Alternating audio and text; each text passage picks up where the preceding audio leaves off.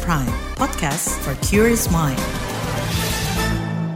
Halo saudara, selamat sore. Senang sekali kami bisa menjumpai Anda kembali melalui program KBR Sore untuk edisi hari ini, Kamis 22 Februari 24. Saya Agus Lukman akan menemani Anda selama kurang lebih 30 menit ke depan. Sore ini kita membahas mengenai penunjukan Ketua Umum Partai Demokrat Agus Harimurti Yudhoyono sebagai Menteri Agraria dan Tata Ruang, sekaligus Kepala Badan Pertanahan Nasional BPN. Delapan bulan menjelang berakhirnya Kabinet Indonesia Maju, Presiden Joko Widodo melakukan perombakan kabinet. Kursi Menteri Koordinator Politik Hukum dan Keamanan yang kosong ditinggalkan Mahfud MD kini diisi Hadi Cahyanto. Sedangkan kursi Menteri Agraria yang ditinggalkan Hadi diisi orang baru, yaitu Ketua Umum Partai Demokrat Agus Harimurti Yudhoyono atau AHY. Sebagian pihak menilai penunjukan AHY sebagai menteri merupakan langkah Jokowi mendahulukan penguatan posisi secara politik ketimbang menyelesaikan banyak pekerjaan rumah soal sengkarut masalah agraria. Lalu apa sesungguhnya motif Jokowi memasukkan AHY di kabinet? Mampukah AHY menunjukkan kinerja yang meyakinkan publik dengan mewujudkan reforma agraria? Kita akan bahas lengkapnya di KBR sore.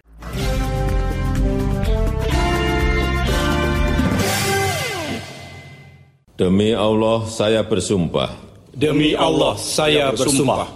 bahwa saya bahwa saya akan setia kepada akan setia kepada Undang-Undang Dasar Undang-Undang Dasar Negara Republik Indonesia Negara Republik Indonesia tahun 1945 tahun 1945 serta akan menjalankan serta akan menjalankan segala peraturan perundang Saudara Rabu kemarin Presiden Joko Widodo melantik dua orang sebagai menteri baru. Hadi Cahyanto yang sebelumnya menjabat Menteri Agraria dilantik sebagai Menko Polhukam sedang menggantikan Mahfud MD. Sedangkan Agus Harimurti Yudhoyono menggantikan Hadi Cahyanto sebagai Menteri Agraria. Jokowi yakin sosok AHY siap mengemban tugas baru di Kabinet Indonesia Maju dengan berbagai latar belakang dan pengalaman yang sudah dianggap mumpuni. Beliau ini Ketua Umum Partai Demokrat pertama.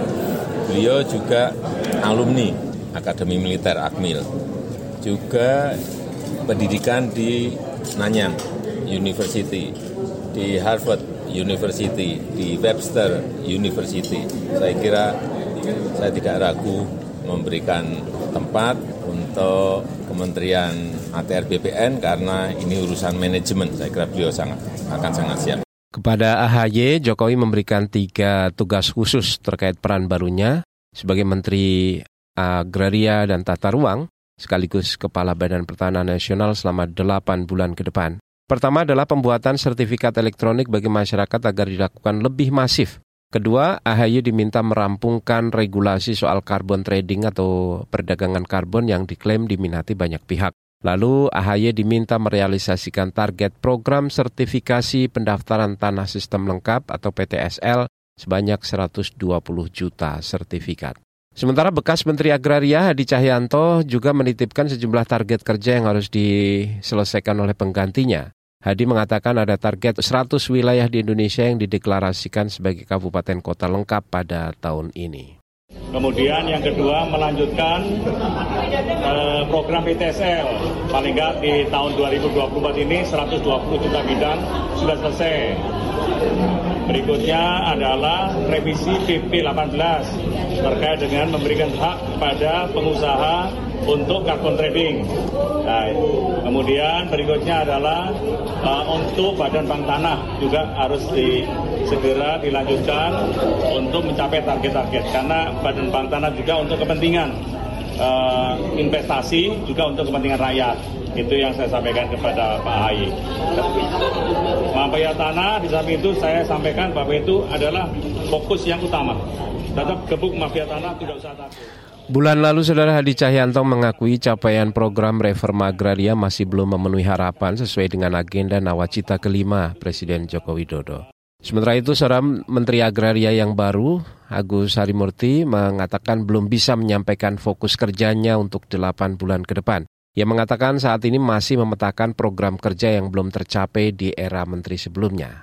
Maka saya ingin buka satu persatu mana saja yang perlu kita lakukan percepatan. Karena harapannya tentu semua target itu bisa dicapai 8 bulan terakhir ini. Jadi saya baru hanya bisa menjelaskan di kesempatan ini bahwa kami semangatnya adalah melakukan percepatan dan penuntasan segala isu dan permasalahan termasuk sengketa-sengketa tanah baik itu individu, korporasi termasuk juga komunitas. AHY mengatakan tidak semua persoalan tanah bisa diselesaikan secara langsung oleh Kementerian Agraria karena juga ada persoalan tanah yang bersinggungan dengan kementerian dan lembaga lain. Meski begitu, AHY sempat mengatakan komitmennya untuk menggebuk mafia tanah usai serah terima jabatan dengan Hadi Cahyanto. Jadi pesan Pak Hadi tadi saya terima loud and clear, gebuk, gebuk, gebuk mafia tanah itu akan kami lanjutkan Pak, loud and clear. Termasuk juga bagaimana redistribusi tanah ini bisa menghadirkan tiga hal. Keadilan, kemajuan, kesejahteraan. Selain sertifikasi elektronik, Pak Presiden Jokowi juga mengharapkan ada revisi untuk meyakinkan terkait dengan carbon trading. Ini bisa lebih sukses lagi. Kemudian yang terakhir tentang mencapai target sekitar 120 juta bidang PTSL. Ini juga pekerjaan yang luar biasa. Itu tadi Agus Harimurti Yudhoyono, Menteri Agraria dan Tata Ruang sekaligus Kepala Badan Pertanahan Nasional yang baru dilantik Rabu kemarin.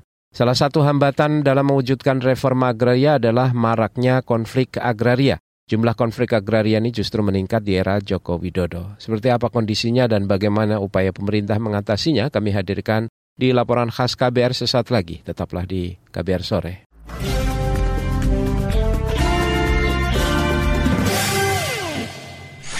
Commercial break. Commercial break.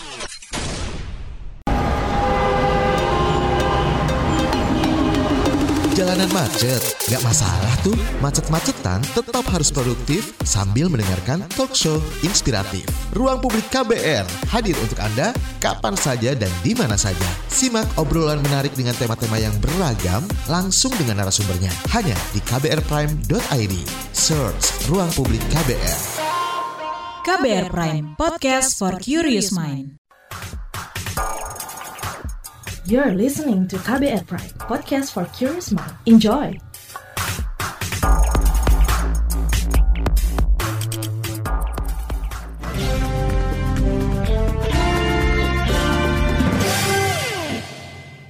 Program reforma agraria di pemerintahan Joko Widodo selama 10 tahun terakhir ini mendapat sorotan tajam karena salah satunya terlihat dari meningkatnya konflik agraria. Apa yang terjadi dan seperti apa komitmen dari pemerintah kami hadirkan dalam laporan khas berikut ini yang disusun Safira Aurelia. Pemerintah memiliki target program reforma agraria sejumlah 9 juta hektar. Ini tertuang dalam Rencana Pembangunan Jangka Menengah Nasional atau RPJMN 2020-2024. Target itu terdiri dari redistribusi tanah seluas 4,5 juta hektar dan legalisasi aset seluas 4,5 juta hektar. Namun hingga Oktober lalu capaian redistribusi tanah baru 3,9 juta hektar. Reforma agraria pemerintah masih dominan legalisasi aset dan redistribusi tanah ex hak guna usaha. Menteri Agraria dan Tata Ruang sekaligus Kepala Badan Pertanahan Nasional Hadi Cahyanto berjanji meningkatkan capaian kerja pemerintah khususnya pelepasan kawasan hutan yang masih rendah.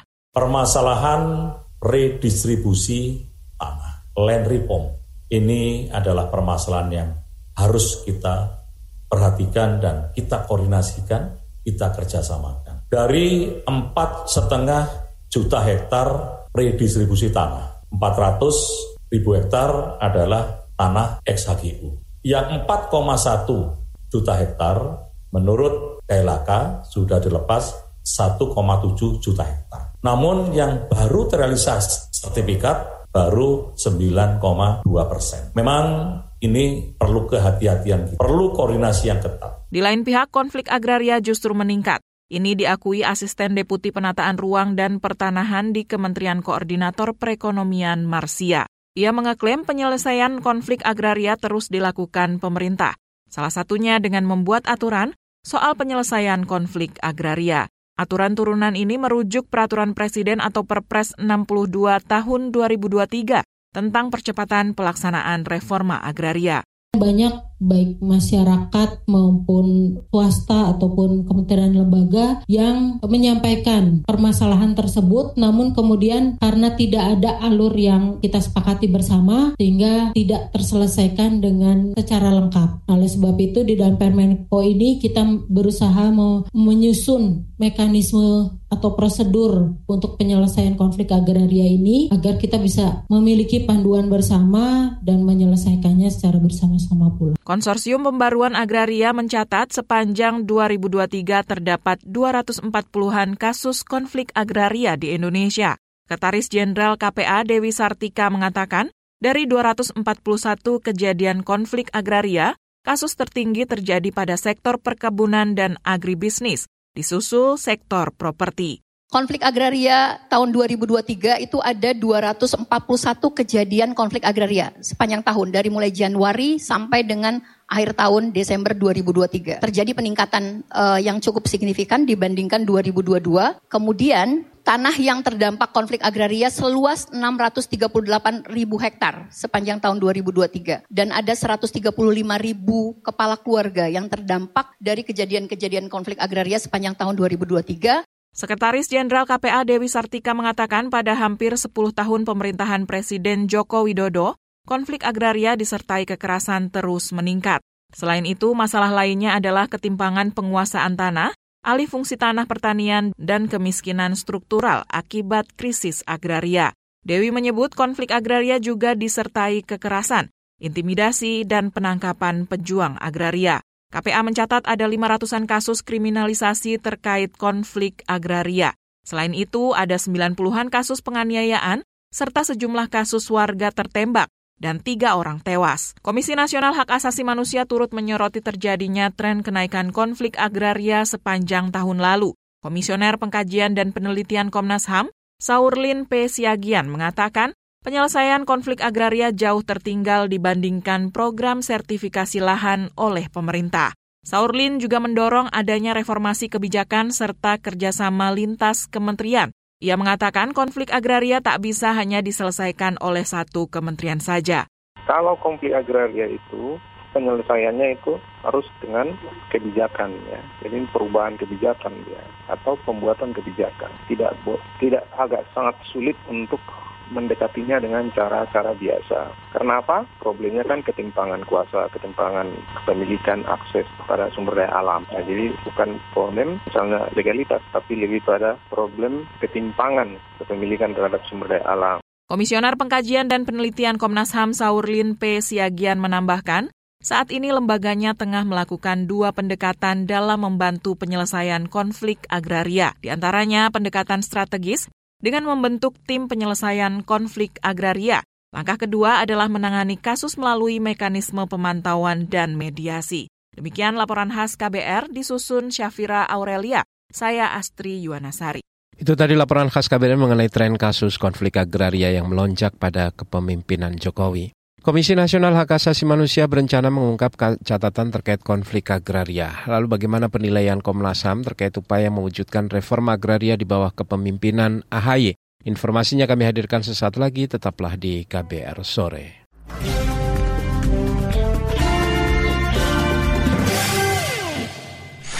Commercial break. Commercial break.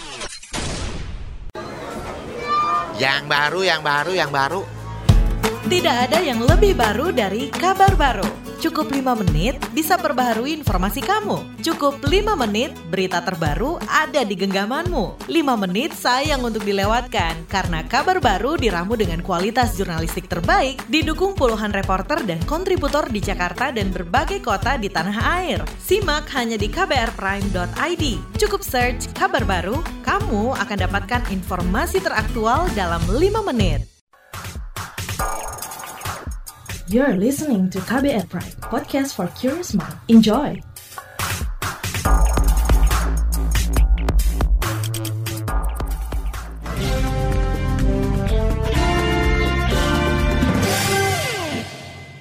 Terima kasih Anda masih bersama kami di KBR Sore. Saudara, Komisi Nasional Hak Asasi Manusia Komnas HAM pesimistis penyelesaian konflik agraria dapat diselesaikan oleh Menteri Agraria dan Tata Ruang yang baru. Agus Harimurti Yudhoyono dalam kurun waktu singkat yaitu 8 bulan ke depan. Komisioner Pengkajian dan Penelitian Komnas HAM Saurlin Siagian mengatakan sebanyak 2.500-an kasus konflik agraria masih mangkrak dan belum terselesaikan. Lalu apa rekomendasi Komnas HAM untuk mengatasi sengkarut persoalan agraria agar bisa terselesaikan dengan berkeadilan? Berikut perbincangan Safira Aurelia, jurnalis KBR dengan Komisioner Komnas HAM Saurlin Siagian. Eh, saat ini berapa banyak laporan yang masuk ke Komnas HAM terkait dengan uh, konflik agraria? Saya kira memang tantangannya masih sangat banyak tentunya dan uh, secara umum polanya tidak berbeda. Konflik-konflik agraria yang pelik dan uh, struktural masih sangat banyak ya sehingga dibutuhkan memang terobosan khusus ya. Tidak bisa dengan cara-cara yang seperti sekarang untuk menyelesaikan. Perlu cara baru, perlu kelembagaan baru dan perlu regulasi baru juga. Kalau Komnas HAM akan terus mendapatkan banyak sekali pengaduan kalau agenda kita masih seperti ini, kebijakan kita masih seperti ini ya, pendekatan pembangunan kita juga masih seperti ini. Jadi tidak heran bahwa laporan konflik agraria di Komnas HAM akan eksponensial uh, setiap tahun. Nah, itu bukan karena muncul begitu, begitu, begitu saja, itu by by design sebenarnya. Memang desain pembangunan kita dan desain kebijakan kita berimplikasi pada munculnya banyak sekali konflik agraria. Itu yang menyebabkan Komnas HAM hingga saat ini misalnya di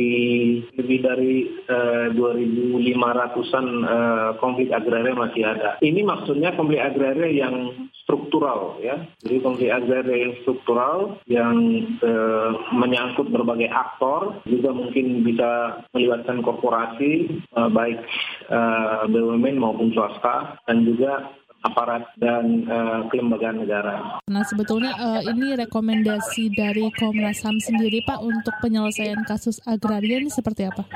Setiap kasus punya rekomendasi kasus namanya di Komnas HAM. Kita sudah punya business cycle kasus. Tapi ada yang kita sebut dengan rekomendasi kebijakan. Ya. Rekomendasi kebijakan inilah yang diurus oleh tim bentukan bidang paripurna bernama tim agraria. Nah, tim agraria ini sedang mendesain suatu rekomendasi peta jalan penyelesaian. Dan kita, Mbak, harapkan desain rekomendasi peta jalan penyelesaian konflik agraria ini bisa kita tuntaskan semester pertama ini. Lantas ini bagaimana Pak eh, peluang ke depannya kalau Komnas HAM melihat terkait dengan sisa waktu yang ada dan berbagai tantangan-tantangan sulit ke depannya?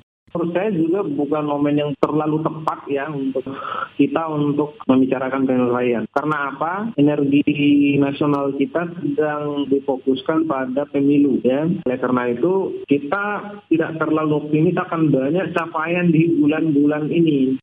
Lalu apa saja Pak PR pemerintah khususnya Kementerian ATR BPR dalam mewujudkan reforma agraria? Karena komplikasi seperti ini tidak mudah diselesaikan. Harus dengan suatu uh, percakapan yang serius uh, untuk melahirkan suatu kebijakan yang komprehensif ya, pun dengan menteri yang baru. Jadi pertanyaan kritisnya adalah bentuk kelembagaan apa atau bentuk kelembagaan yang otoritatif seperti apa yang bisa menyelesaikan konflik agraria yang kita miliki saat ini. Itu yang pertama. Dan yang kedua tentunya adalah bagaimana agenda dan desain pembangunan lima tahun ini harus dipastikan memang untuk pertama kalinya atau untuk pada fundamental yang pertama adalah memastikan pendekatan hak asasi di dalamnya sehingga tidak mengulangi agenda-agenda pembangunan yang kelupaan membicarakan kerangka hak asasi ketika memulai desain pembangunan. Itu tadi saudara perbincangan reporter KBR Safira Aurelia dengan Komisioner Komnas HAM Saurlin Siagian. Lalu apa kata pegiat agraria maupun pengamat politik mengenai langkah Presiden Jokowi menunjuk AHY sebagai Menteri Agraria? Kami akan hadirkan informasinya sesaat lagi, tetaplah di KBR Sore.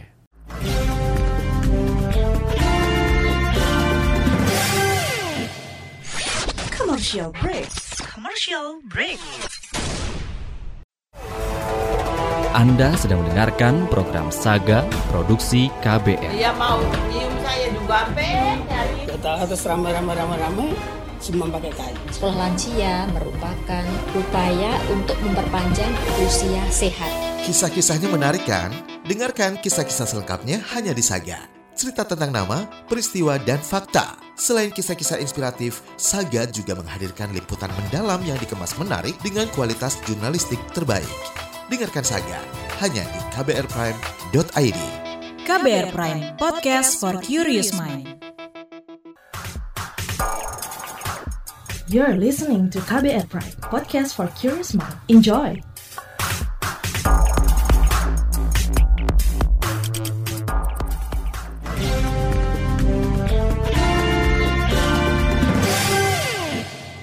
Saudara kita berada di bagian akhir KBR sore. Konsorsium Pembaruan Agraria meragukan Menteri Agraria yang baru, Agus Harimurti Yudhoyono dapat mewujudkan reforma agraria termasuk menyelesaikan konflik.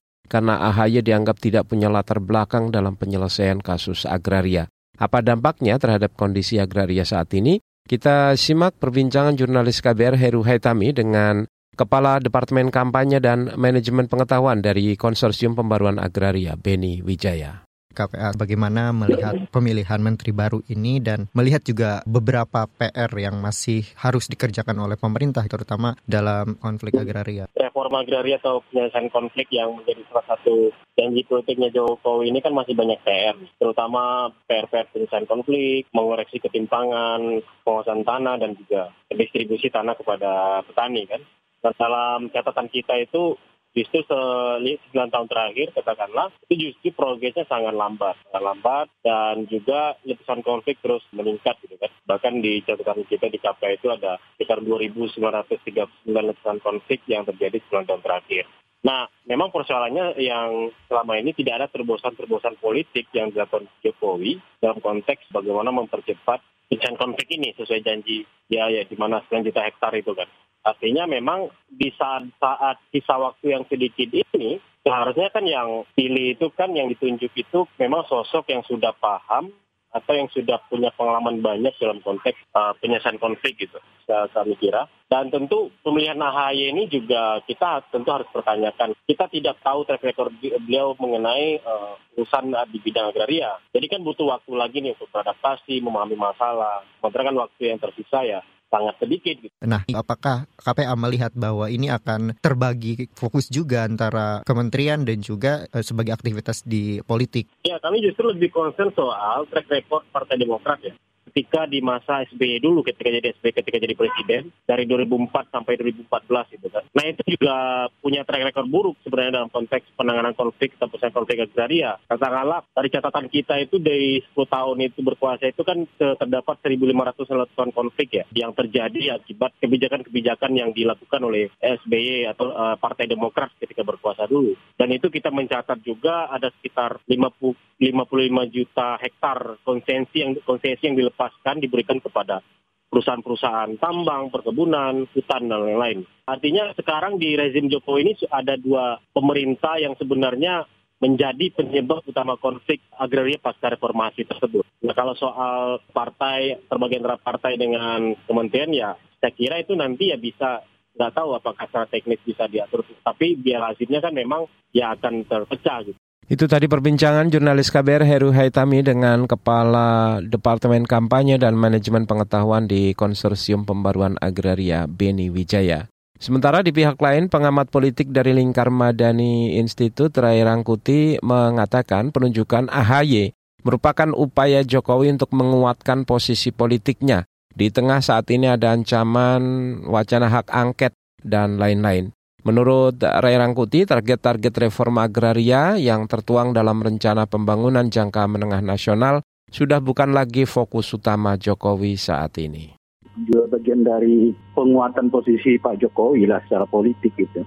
Saya kira uh, bukan balas jasa ya, lebih tepat disebut uh, bagian dari penguatan posisi Pak Jokowi sebetulnya menghadapi ya banyak hal bukan hanya oh, karena itu ya beliau membutuhkan kekuatan politik di belakangnya ya salah satunya adalah dengan mengajak Demokrat bergabung ke dalam kekuasaan yang sekarang ya pegang gitu. Jadi ini bukan angket salah satunya, tapi boleh jadi depan lebih banyak lagi, ah lebih banyak lagi masalah yang mungkin tidak oleh Pak Jokowi gitu. Ini udah eh, kepepet. Ini Pak Jokowi ini ada ada alternatif. Jadi ini politik kepepet gitu lah. Kalau enggak ya apa namanya dukungan politik padanya makin merosot gitu. Dia hanya mikirin gimana ada uh, backup politik terhadap dirinya. Soal kinerja sih ya bisa dipoles-poles lah. Dan mungkin juga nggak begitu banyak lagi tinggal enam bulan kan. Paling paling itu kan sekarang penyerahan-penyerahan sertifikat. Kalau konteksnya mengatasi sengketa pertanahan ya kan dan sebagainya itu rasanya nggak terjadi di banyak tempat itu. Dan karena itu mungkin nggak nggak akan ada program-program sedramatik itu yang ada ya cuma bagi-bagi sertifikat aja mungkin ke depan gitu. Jadi ini memang akan mengalami semacam turbulensi lah enam enam tujuh bulan ke depan ini Pak Jokowinya gitu. Itu tadi saudara pengamat politik dari Lingkar Madani Institut Rai Rangkuti. Informasi tadi saudara menutup jumpa kita di KBR Sore untuk edisi hari ini, hari Kamis 22 Februari 2024. Saya Agus Lukman, kami undur diri, salam.